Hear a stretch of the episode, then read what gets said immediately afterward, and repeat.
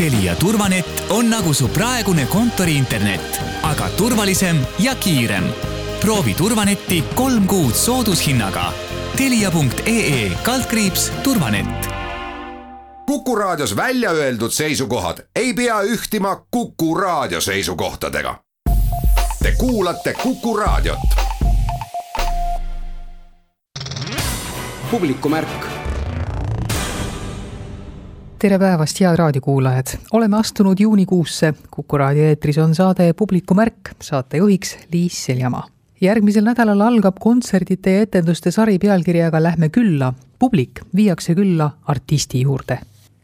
lühikese vahega jõuti kahes Eesti teatris väga sarnase sisuga lavastuste esietenduseni juttu on lähisuhtevägivallast. Ugalas kannab lavastus pealkirja Kui sa tuled, too mul lilli Eesti Noorsooteatri täna esietenduv lavastus aga on pealkirjaga Teises toas. Kumu kunstimuuseumi suures saalis on mai keskpaigast avatud isikunäitus Janis Rosenthals Elutants. esmakordselt on Eesti vaatajani jõudnud mahukas ülevaade Läti ühe populaarsema ja mitmekülgsema kunstniku loomingust. Tallinna Linnateatris ajutises mängupaigas Toomkooli tänaval jõudis lavale noorte lavastajate fantaasiaküllane Rogozin saadet alustab aga Vatt teatri uusima lavastuse tutvustus. lavastuse pealkiri on Toulouse ja tegu on draamaga kahele, õigemini draama kahele, ruumi ühele laval on Elina Reinold ja Margo Teder ja Aare Toika koos Margo Tederiga on äh, lavastaja rollis. see on võrdlemisi uus äh, näitemäng üldse, mis on kirjutatud, esietendus oli sellel maailma esietendus siis kahe tuhande kaheksateistkümnendal aastal. nii et päris kiiresti on jõudnud see ka Eesti teatrilavale. kas Mihkel Seeder ise tuli selle looga välja või kuidas see jõudis Vatt teatrisse?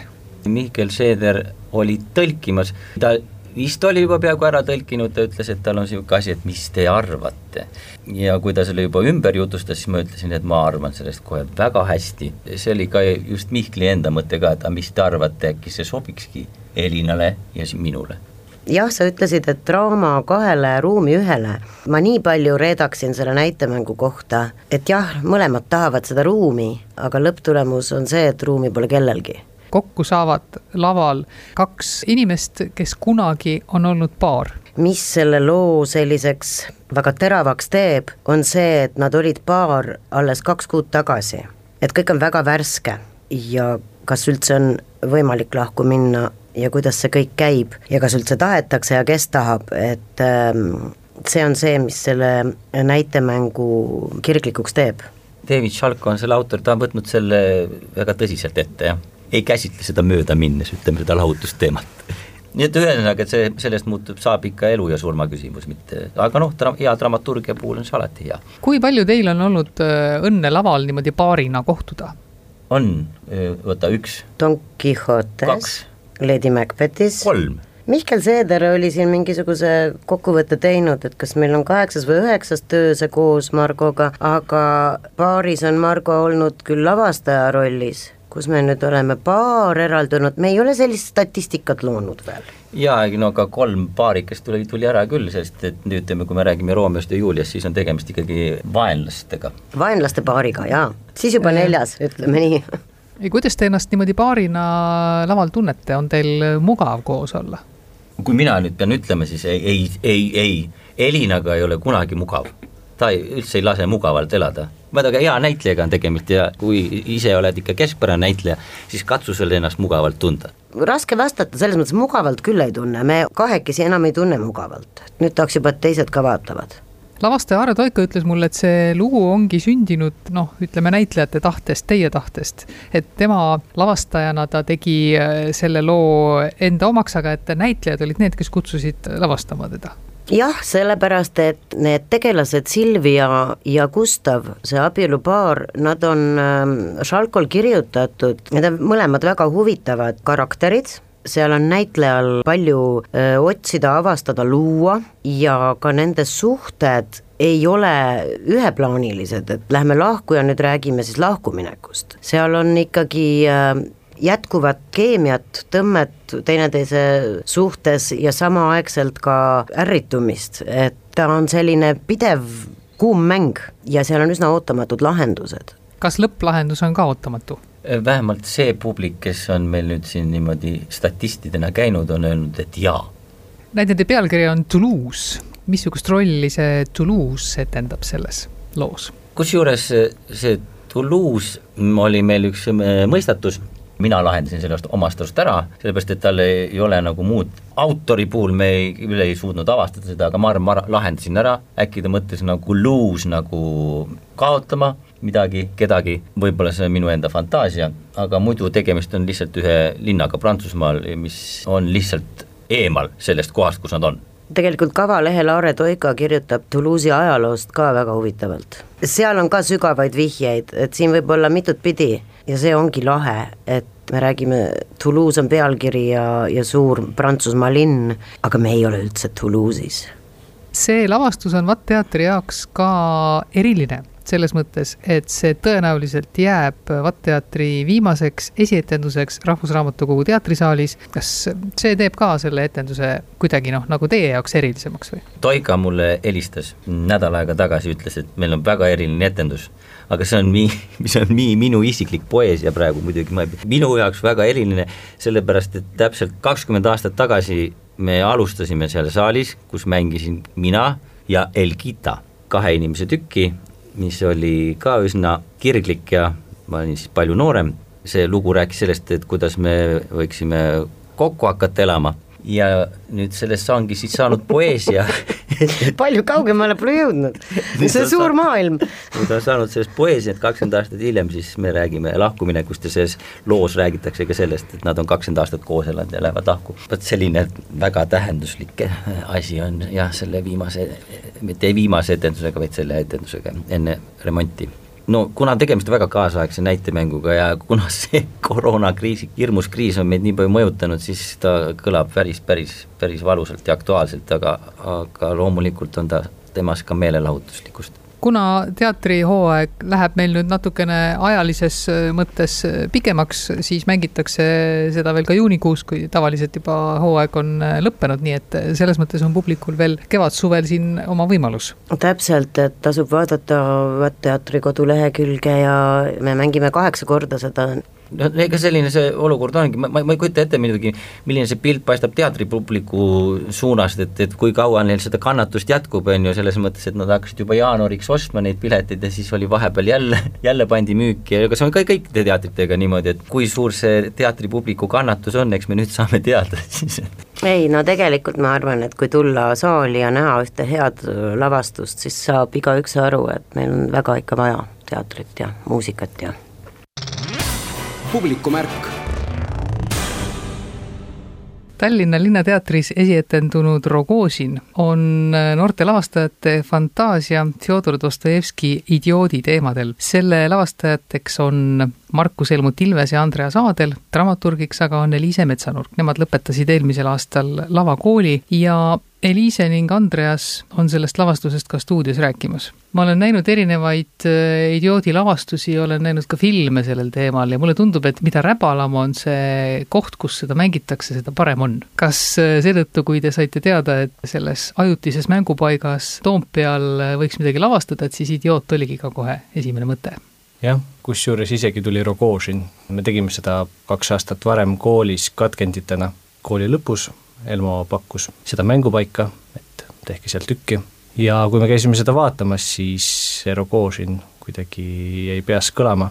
jah, mis puudutab seda mängupaiga räbalust, siis seal materjalis on äh, see konflikt väga madalate tungide ja väga kõrgete üllate eesmärkide suundade nagu vahel ma olen ka Andreasiga hästi nõus selle koha pealt, et idioodis ja minu meelest Dostojevski loomingus nagu laiemalt ka, on see kuidagi, need suured mõtted sünnivad kuskil mülgastes. ja minu meelest see on hästi huvitav äh, nagu kontrast kuigi mina noh, liitusin selles mõttes selle protsessiga hiljem, et siis, kui koht ja teos ja kõik olid juba valitud, siis äh, ma olen nõus, et minu meelest see koha räbalus nagu hästi sobib selle, selle materjaliga aga dramaturgina, kas niimoodi Dostojevski kallale asuda ka noore dramaturgi jaoks võib see olla selline paras väljakutse?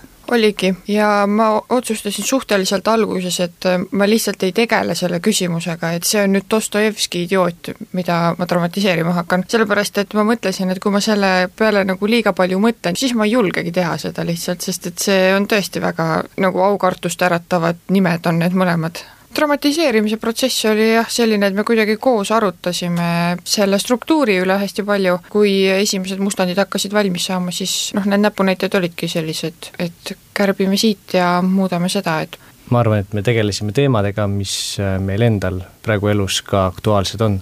tegelased seal on meie vanused ja mõndades kohtades väga sarnases paigas oma eludega, siis nad äh, satuvad sarnaste küsimuste ette nagu meie. kõige suurem minu arust äh, ja hästi lai teema selles raamatus ja meil ka näidendis on nii lihtne, kui see kõlab, aga armastuse teema, et mis eri vorme on armastuses olemas. raamatus ja tükis on äh, sellele väga konkreetselt kuidagi lähenetud, et seal ongi see kirglik armastus ja siis on selline natuke taevalikum armastus, kaastundlik, noh kaastunde ja kire see konflikt no kui võtta mingisugune teos ja teha see ka selles mõttes ümber, et peategelast äh, nagu nihutada või eks ole, et panna peategelaseks keegi teine, kes autorina on olnud, see ilmselt annab palju rohkem äh, võimalusi või? Pöörata tähelepanu mingisugusele tüübile, persoonile, kellele võib-olla autor ei ole sellist tähelepanu pööranud?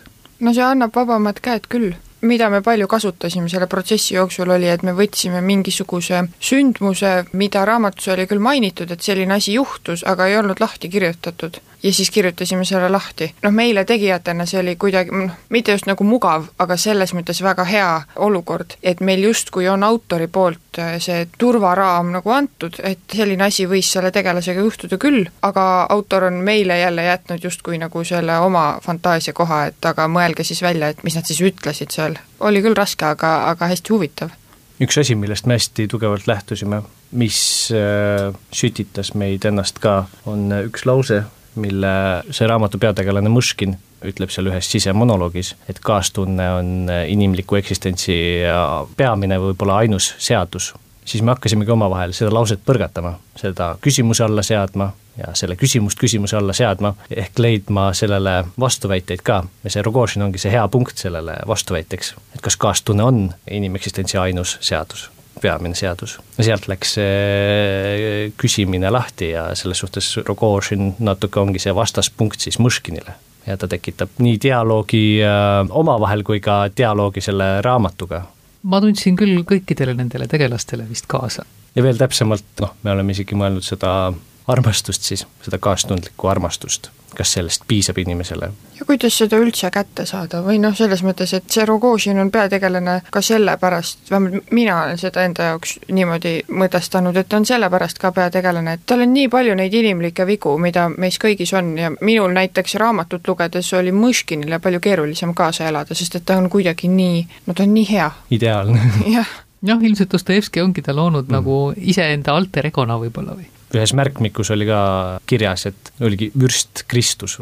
aga Rogožin võiks siis olla nagu Dostojevski ise pigem või? lugedes ja kuulates seda, mis Dostojevski kohta räägitakse, siis Rogožin tundub pigem äh, Dostojevskilikum küll mulle tundub, et äh, selle kirjutamise käigus neid naistegelasi on ka natukene nagu tähtsamaks seal kirjutatud, kohati eriti teises vaatuses girl power nagu tuleb rohkem esile.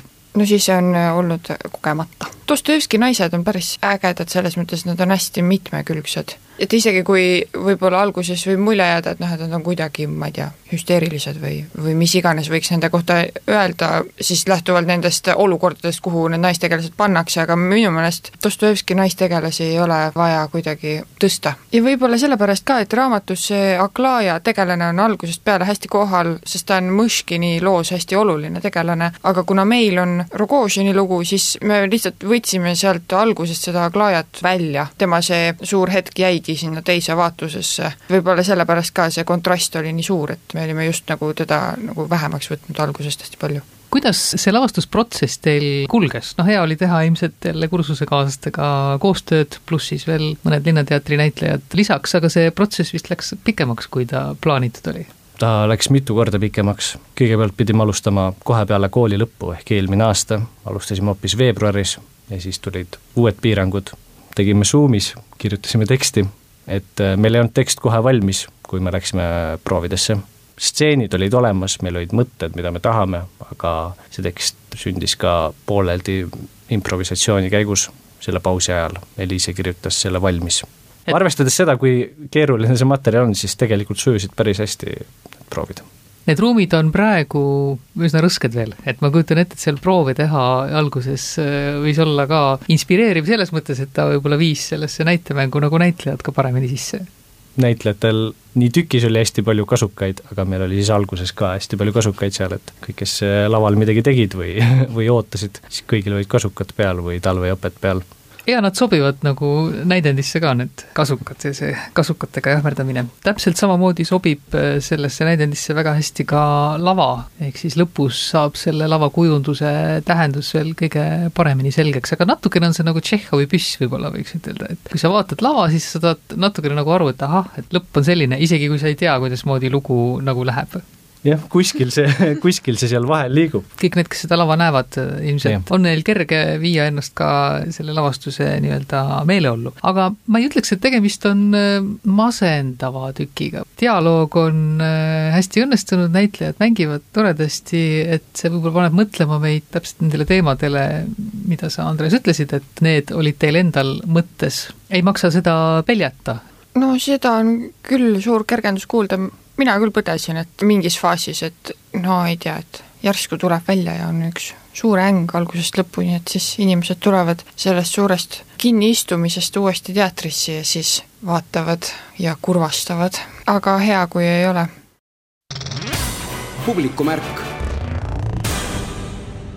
Kumu kunstimuuseumi kõige uuem näitus kannab pealkirja Janis Rosenthal's elutants ja see on avatud muuseumi suures saalis, tegemist on isikunäitusega, aga neid maale ja joonistusi ja ka fotosid ei ole Eesti vaatajad vähemalt sellises mahus küll varem näinud. ja näitus toimub koostöös Läti Rahvusliku Kunstimuuseumiga ning selle näituse kuraatoriks on Aija Praslina Läti Rahvuslikust Kunstimuuseumist ja Kumu poolt on siis konsultandiks Liis Pählapuu ja koordinaatoriks on Inga Jaagus mina ise kuulun küll nende inimeste hulka, kes Läti maalikunstist väga palju ei tea. eestlased vist üldiselt niimoodi keskmiselt ei tea väga palju sellest Läti maalikunstist. see on nüüd hea võimalus vähemalt väike sissevaade teha tõepoolest, see on täiesti harukordne võimalus sellises mastaabis Jaanis Rosenthalsi näitust siin näha. see on kõige suurem näitus väljaspool Lätit, siis mis võtab kokku Rosenthalsi loomingu tõepoolest nii selle algusaegadest kuni elu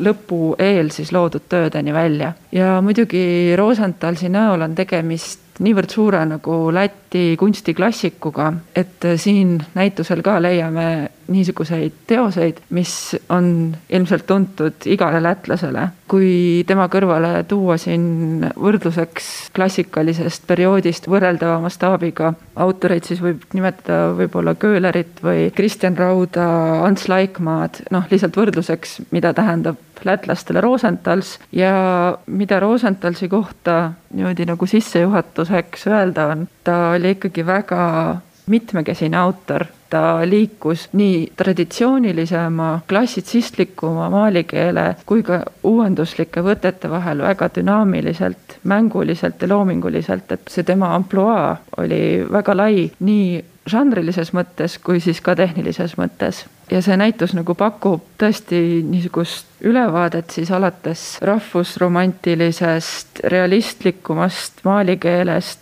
kus ta kujutab Läti taluinimesi või maastikku ja siis niisuguste fantaasiakompositsioonideni, mis on sündinud tema kui kunstniku peas ja mis on siis põimitud näiteks sissevaadetega erinevate niisuguste tegelastega, kas Läti mütoloogiast või niisugusest laiemast antiikmütoloogiast näiteks või religioossetest piiblitemaatikast, et noh, see ampluaa on nagu väga lai siin kui võtta ka kasvõi see töö, millega ta Läti inimeste vaatevälja üldse nagu tuli ja nende nagu südamesse jõudis, on just see kirikulistega töö, mis kujutab siis Läti inimesi, inimeste grupp, kes tuleb äh, kirikust, väljub ja niisugune vahetu, südamlik ja küll realistlik samas niisugust vabadust ja vahetust väärtustav lähenemine kunstnikul seal. Ja see jõudis väga hästi nagu inimestele kohale ja noh, oli muidugi sellel ajal väga aktuaalne. Ja läbi sellise esmaesinemise, kus oli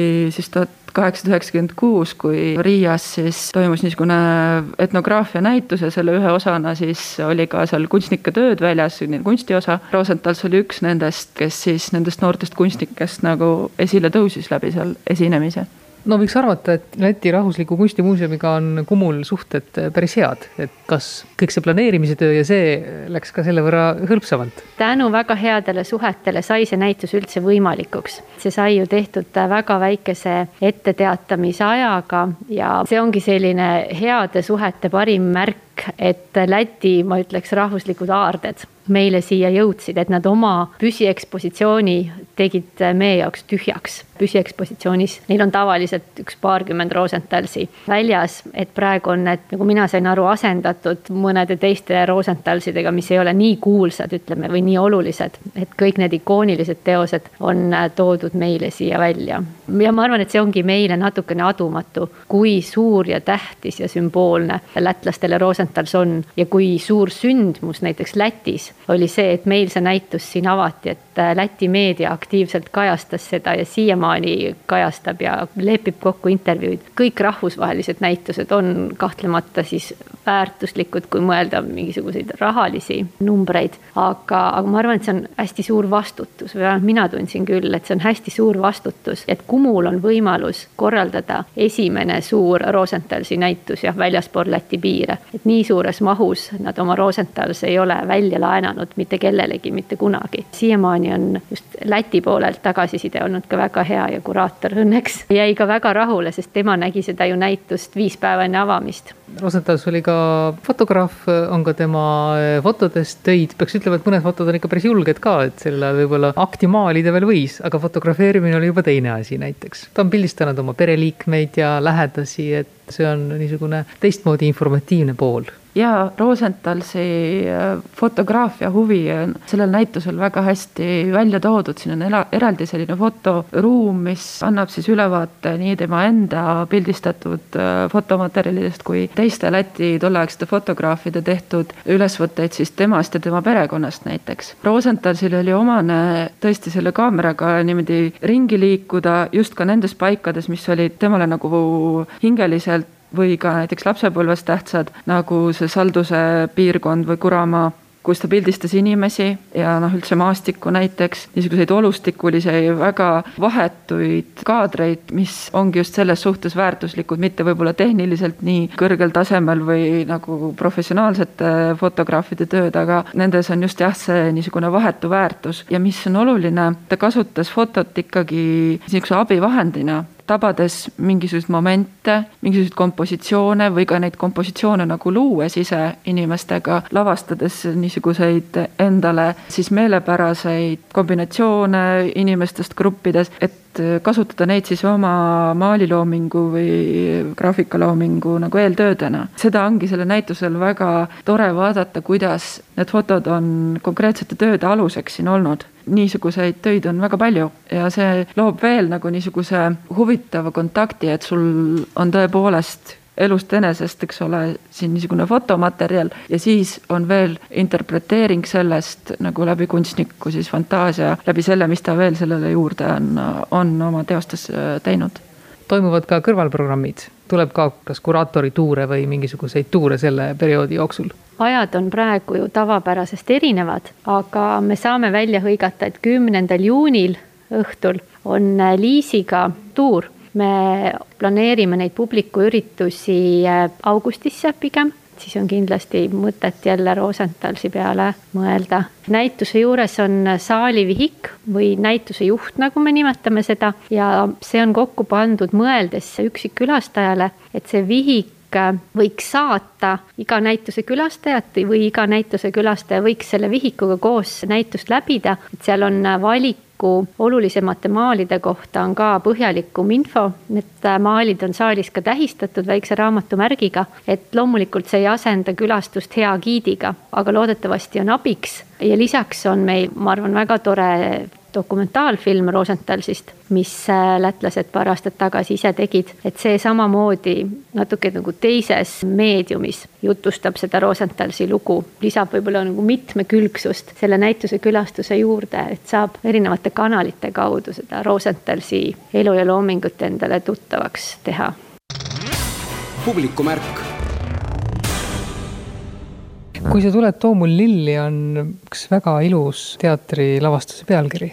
See lavastus, mis tuleb välja selle nime all Ugalas, tõukub hoopis intervjuudest lähisuhtevägivalla ohvritega. Ugalas on selle lavastajaks Liis Aedma ja Laura Kalle kui ütelda ära, millest see lavastus räägib, siis võib-olla inimesed hetkeks nagu tõmbuvad niimoodi kuidagi sirgeks või eemale või hakkavad mõtlema, et see on nii hirmus raske ja kole teema. miks teie selle teema ette võtsite? No ta võib olla raske ja ta nende inimeste jaoks, kes selles lähisuhtevägivallas elavad, ongi väga raske, aga see on teiselt poolt ääretult oluline teema. ja teema, mille puhul ikkagi kehtib see, et mida rohkem sellest rääkida, seda vähem võib-olla on neid inimesi, kelle jaoks ta on iga päev. see võib-olla ongi see põhipõhjus, miks me otsustasime sellega tegelema hakata idee sündis üldse Tanel Joonasel, ta käis meile välja, meile kahele just nimelt selle mõtte, et kas me ei tahaks kirjutada ning lavastada sellist tükki no võib mõelda ka, et me oleme viimasel ajal sellest rääkinud nagu ikka palju ja noh, võib-olla põhimõtteliselt üldjoontes need lood on ka kõik mitte nüüd päris samasugused, aga ikka võrdlemisi sarnased, et kui te seda tegema hakkasite, et kui palju laiemaks see teema siis teie jaoks nagu muutus või et kas selgus, et need lood on ikka kõik nagu väga erinevad või?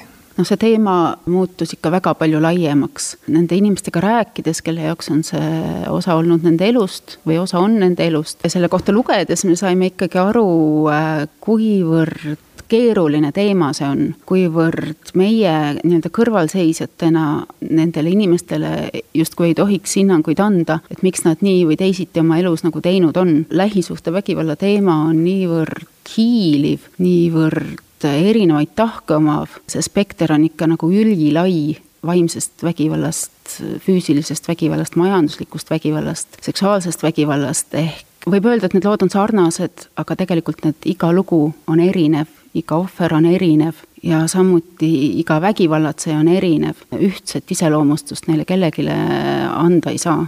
üks ohver ei pruugi isegi teist ohvrit tingimata ära tunda, juba sellepärast, et nende olukordade tunnused ja kõik asjaolud on nii erinevad. me oleme küll väga tänulikud kõikidele neile, kes olid nõus meile rääkima enda lugusid ja nad olid loodetavasti õnneks kõik sellest asjast juba läbi tulnud ise ja mingisugusel paranemise teekonnal. selle asja eesmärk võikski olla see, et inimesed teavad seda teemat nii hästi, et nad juba eos oskavad vältida selliseid olukordi, oskavad ära tunda ka oma lähedaste seas ohumärke, oskavad näha, kui ka mitte parandada, aga lihtsalt kasvõi märkamises on juba see üks osa plaastrit. sellise lähisuhtevägivalla lähedalt pealtnägemine, noh, ütleme, kui perekonnas on lapsed, kes näevad siis vägivallatsemist oma vanemate vahel, see võib-olla on selles mõttes veel raskem, et väiksed lapsed tunnevad lihtsalt jõuetust, et nad ei saa midagi teha.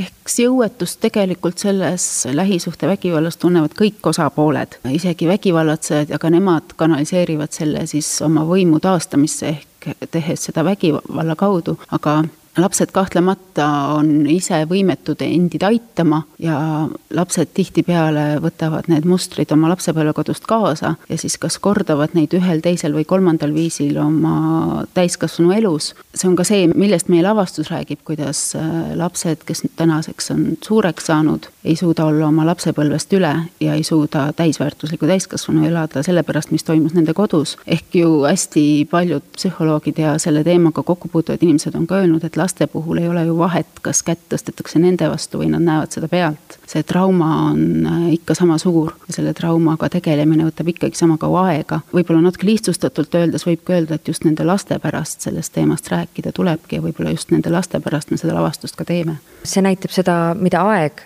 ühtlasi selle teemaga teeb. Ehk siis üks asi on see sündmus, kui me räägime füüsilise vägivalla puhul, üks asi on löök, vaimse vägivalla puhul need erinevad manipuleerimistaktikad, aga teine asi on see, kui see on toimunud süstemaatiliselt pikema aja vältel ja see varjutab tervet ühte suurt osa sinu elust, kas see on siis varem või hiljem, kui see on toimunud lapsepõlves, kas sa oled siis seda kogenud või pealt näinud, siis see on ikkagi su mustritesse nii hoolega sisse kootud, et sa peaaegu, et peadki seda normaalseks inimesed ka kõige kurvemates äh, olukordades otsivad ikkagi rõõmsat poolt ja ka sellises vägivaldses suhtes või vägivaldses elus ikka püütakse leida midagi head. mis võiks olla selles lavastuses see niisugune hea või selline lootusekiir? oi, ma arvan, et siin on neid mitu, ma loodan, et siit kumavad need lootuskiired ka ikkagi läbi, just nimelt see, kuidas üksteist märgatakse, see, kuidas julgetakse märgata ja see, kuidas leida see tugevus endas või inimsuhetes, mis on tervemad lootuskiir on alati, ta peab kuskil olema, lihtsalt see häda ongi selles, et kui need seinad on liiga kinni tapitud, sa tunned, et sa oled üksi selles kookonis, siis alati kuskil on. see peakski olema see, et sa tead, et kuskilt sa saad kinni haarata, see on alati võimalus, ei ole võimalik, et kõik õlekõrred on ära kasutatud nagu ka üks meie laostest, üks tegelane ütleb sellise lause, et ma tahan nimetada asju õigete nimedega. juba see tahe rääkida asjadest mitte läbi lillede, vaid nii, nagu need on, annab justkui selle esimese sammu lootmaks, et keegi, kellele ma sellest räägin, mind usub. ja üks suur lootuskiir on minu jaoks ikkagi see, et mida rohkem me sellest teemast räägime, seda rohkem on äh, ka neid inimesi, kes on nõus neid inimesi uskuma Eesti Noorsooteatri lavastusel Teises toas on õhupallide lõhn. tegemist on dokumentaallavastusega, mille autorid on Mari-Liis Lill ja Priit Põldmaa. Mari-Liis on ka lavastaja rollis. noh, kui sinu viimane dokumentaallavastus oli niisugune ilus ja armastusest rääkiv, et siis nüüd, miks see teema sinu jaoks oluline oli? jah, võib öelda, et elus peab tasakaal olema, et kui minna esimese armastusega lendu, et siis ühel hetkel ju loogiline jätk tihtipeale ka nendes suhetes, mida me täna laval nägime, on see, et see algabki maru ilusasti ja selle tõttu see kukkumine on eriti valus. tegelikult äh, see teema ju mõnes mõttes tuli ise minu juurde. me hakkasime tegelikult seda mõtet mõtlema hoopis sellest kohast, et mis on need mustrid, mida me võtame kaasa oma kodudest, oma vanematelt, millised on suhted minu emaga, minu isaga, mida ma kordan, mida ma teen teisiti, mis äh, läks pahasti, mida oleks võinud paremini teha ja lihtsalt see teema hakkas paratamatult ise kirjutama ennast sinna sisse ja lõpuks tundsime lihtsalt, et kui ta tahab tulla, et siis me võtame ta hellalt hoida. Sõna saavad äh, nii üks kui teine pool, saavad äh, need loomulikult, kes ise on vägivalla all kannatanud, aga saavad siis ka need, kes seda on põhjustanud meile tundus see huvitav dramaturgiline materjal, isegi me ei ole ju valinud seda sellel põhjusel, et meil ei ole siin kohtuprotsess, eks ole, et me, et kõik saaksid võrdselt sõna ja me ei tea ka selles mõttes ju ajakirjandust, et oleks tasakaalustatud kenasti ja nõnda, aga mulle endale lihtsalt tundus, kui see võimalus avanes, et teine pool, vägivallatseja on ka nõus rääkima.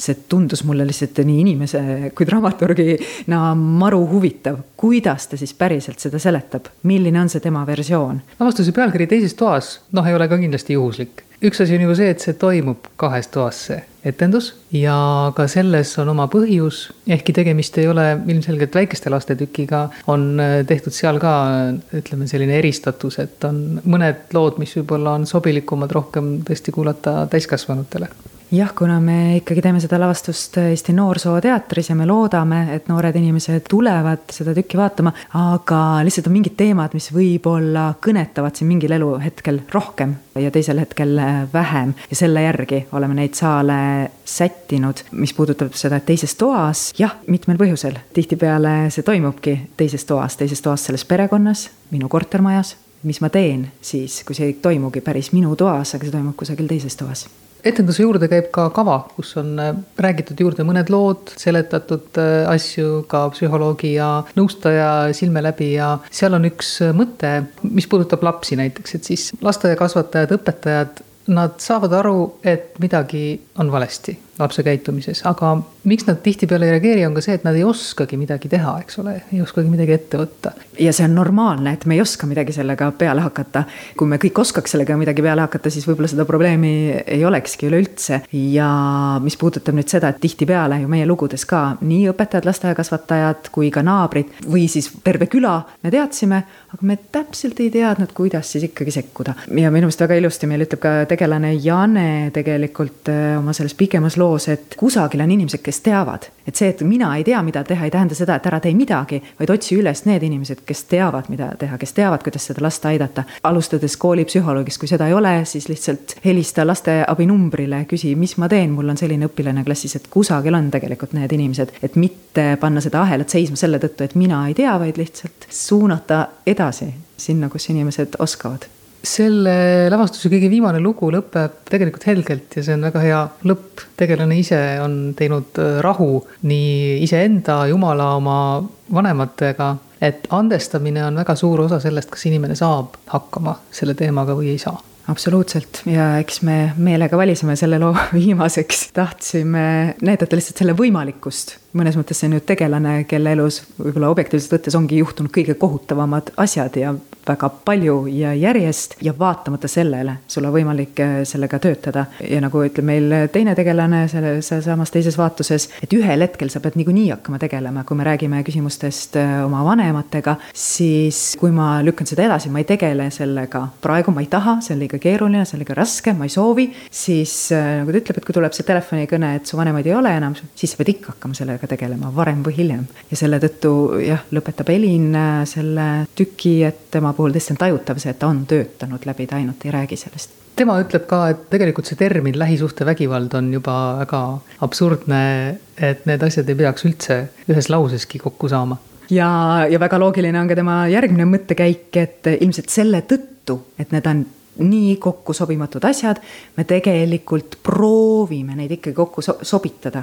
noh, ei saa ju olla, nii tore inimene. Ja kuidas see on, ehk siis ta automaatselt just nimelt, kuna nad üldse ei sobi kokku, eriti kenade inimeste puhul, kes tihtipeale vägivallatsed ongi väljapoole väga kenad inimesed, et ma hakkan otsima neid seletusi, ma tahan tegelikult seda, seda maailma kuidagi ära seletada, et seal ikkagi on põhjus ja, ja et, et see ei ole ilmaasjata see vägivald. Ja nagu me näeme ka siin tükis, ega tõesti, mõnes mõttes ju kõikidel on mingid põhjused, aga need põhjused ei vabanda seda, et valikud on ikkagi ju minu käes kas ja millises dialoogis on see lavastus äh, Ugala teatri Kui sa tuled, too mul lilli lavastusega? ma veel ei tea, ma ei ole näinud nende lavastust, ma loodan, et konstruktiivses. tegelikult me ju alustasime sarnasest punktist, hakkasime kogu, koguma lugusid ja ühel hetkel nemad liikusid siis vähem dokumentaalset teed ja mina küll ootan huviga, kuidas nende lugu mind puudutab. publikumärk tundub, et kontsertsarjade juures leiutatakse igal aastal mingisugune väike nüanss juurde. seekord on ees ootamas kontserdisari Lähme külla, mis tähendab, et artistid kutsuvad inimesed enda juurde koju mõned neist ongi endale koju niisuguse väikse kontserdisaali valmistanud ja kontserttegevus on toimunud seal ka varasematelgi suvel, aga sellel kontserdisarjal on päevakoordinaator või päevajuht Erki Aule, kes juhatab neid vägesid seal kohapeal. Nende inimeste nimed, kes inimesi enda juurde külla kutsuvad, on muidugi kõigile tuttavad. seal on muusikuid, näitlejaid, nendega peaks ikka jaguma nii juttu kui ka olema ilmselt, mida kuulata-vaadata tõepoolest, seal on nii näitlejaid kui ka muusikuid ja selle Lähme külla kontserdi või, või etenduste sarja jah, eripära ongi see, et need äh, näitlejad ja muusikud saavad esineda oma kodus või siis näiteks kohas, mis on neile kuidagi väga lähedane, noh, olgu see siis kasvõi lapsepõlvekodu või näiteks meil on ka Tõnismägi, kelle juurde me ei lähe koju, küll aga me lähme sinna kohta, kus ta näiteks abiellus ja miks on just see koht talle lähedane, seda siis saavad inimesed seal kontserdil teada. praegu on siis paigas kontserdid, mis toimuvad juunis ja juulis ka. juuni ja juuli ja mõne artisti juures me käime mitu korda, mis ei tähenda aga sugugi seda, et need kontserdid on kõik ühesugused. oleme kuidagi lähtunud sellest, et see võiks olla eksklusiivne mitte ainult selles mõttes, et me lähme kellelegi külla, vaid ka eksklusiivne selles mõttes, et iga see kontsert on teistsugune, kui oli eelmine ja ta ei ole ka selline kontsert, mida no näiteks kui Siiri Sisaski või Karl Madise juurde minna, siis aa, ma olen tema kontsertil nii palju näinud, käinud ja ma olen nii palju lugusid kuulnud, vaid äh, nad esitavad esitavad ka mingeid selliseid äh, lugusid, mida nad tavaliselt ei ole esitanud ja need kontserdid on iga kord lähtuvalt siis ka nendest inimestest, ütleme siis niimoodi, nad on interaktiivsemad kui muidu ja nad ei ole selles mõttes lihtsalt transporditud mingid laulud sinna nende hoovi, vaid need on valitud sellised lood ja laulud, mis kõlavad just nimelt seal nende juures, täpselt samamoodi on ka etendustega, et kui meil on seal näiteks Andrus Vaarik ja Indrek Taalma, kes ju on teinud neid monotükke nii ühes kui ka teises kohas, aga kui nad nüüd teevad oma kodustes tingimustes neid monotükke, siis nad lubasid ka need monotükid teha sootuks teistsugused. see seltskond, kes neid kontserte ja etendusi näeb, on nagunii selline väiksearvuline nelikümmend inimest, siis võiks ju neile ka olla see kontsert eksklusiivne. noh, võib eksklusiivsuseks ikka nimetada seda, et siis mina nii-öelda päevajuhina tulen siis kaasa juba siis Tallinnas ja ka kohapeal, mitte ainult nad ei kuula siis muusikat või ei vaata etendust, vaid annan võimaluse neil ka suhelda ja võib-olla ka teha vestlusring selle esinejaga. Et see kontsert ei oleks mitte lihtsalt kontsert, vaid et see oleks selline õhtu, mis on siis pühendatud kas siis ühele või teisele näitlejale või lauljale jah, rääkisid juba ära ka, et äh, minnakse sinna ka ühiselt koos, nii kui startitakse, kohe algavad selle õhtu tegevused. ja et oligi mõeldud selline mitte ainult ütleme kontsert, aga ta võiks olla selline nagu rännak või, ja selline nagu kodune rännak, et kui me näiteks autoga sõidame kuskile etendusele või see, et nagu pereliikmed siis mitte lihtsalt ei istu vait autos, vaid räägivad näiteks, äh, meenutavad Karl Madise või Siiri Sisaski mingisuguseid fakte või detaile, et samamoodi me üritame ka seda teha, et see kontsert juba tema eellugu algab juba bussis, et need inimesed justkui nagu ühe väikse sellise perena jõuavad sinna, nad on juba rääkinud, nad on juba kursis enam-vähem selle kohaga, kuhu nad jõuavad. Nad võib-olla teavad mingisuguseid fakte, mida nad võib-olla varem ei teadnud selle ühe või teise esineja kohta. et just selline nagu kodune õhkkond peaks jääma kogu sellest ettevõtmisest, et mitte lihtsalt selline sõidame sinna, vaatame ära ja siis tegeleme muu asjaga, vaid et olemegi kogu selle õhtu pühendanud siis ühele esinejale ja tema loomingule otsa teevad lahti Karl Madis ja Andrus Vaarik. no nende puhul on tegemist siis nende elupaikadega ja nende puhul on tegemist elupaikadega, jällegi ma praegu ei saa välja öelda eetris, kus nad elavad, aga üks elab siis Eestimaa ühes otsas, teine Eestimaa teises otsas, nii et see bussireis on erineva pikkusega sinna, aga, aga see põhimõte on neil ikkagi sama, et sõidetakse bussiga sinna, vaadatakse ja kuulatakse, kohapeal ka pakutakse süüa ja suupisteid, siis on väike vestlusring ja siis tullakse jälle õhtul tagasi ja nii Karl Madis kui Andrus Vaarik on mitmel korral inimesi võõrustamas, tuleb veel juurde ka Siiri Sisask, nagu ütlesid Indrek Taalmaa ja Tõnis Mägi ja võib-olla tuleb suve jooksul veel keegi juurde, aga seda me siis vaatame vastavalt inimeste soovile, sest et me panime ka artiste siin mitu korda, sest et nagu öeldud, see nelikümmend inimest on tegelikult suhteliselt nagu väike seltskond, et pärast keegi ei ütleks, et oih, käisite nii väikse seltskonnaga, mina jäin välja, et siis on vähemalt paar korda seal käia kes tahaks sellest osa saada, kuhu ta peaks pöörduma? täpsem info, meil on Facebooki lehekülg Lähme külla või siis võib vaadata Piletilevist ja on ka selline lehekülg nagu estours.ee, kus on ka info kõikide esinejate ja nende kontserdite ja etenduste kohta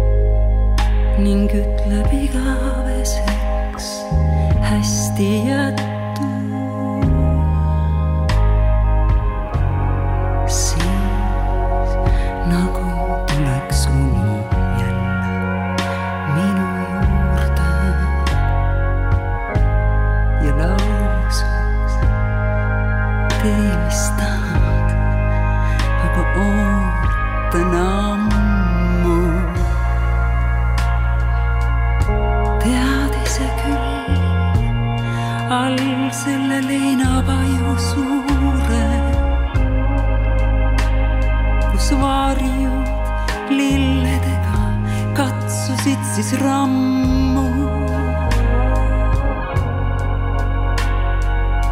kui viimne vaba päikseloojang võttis kahe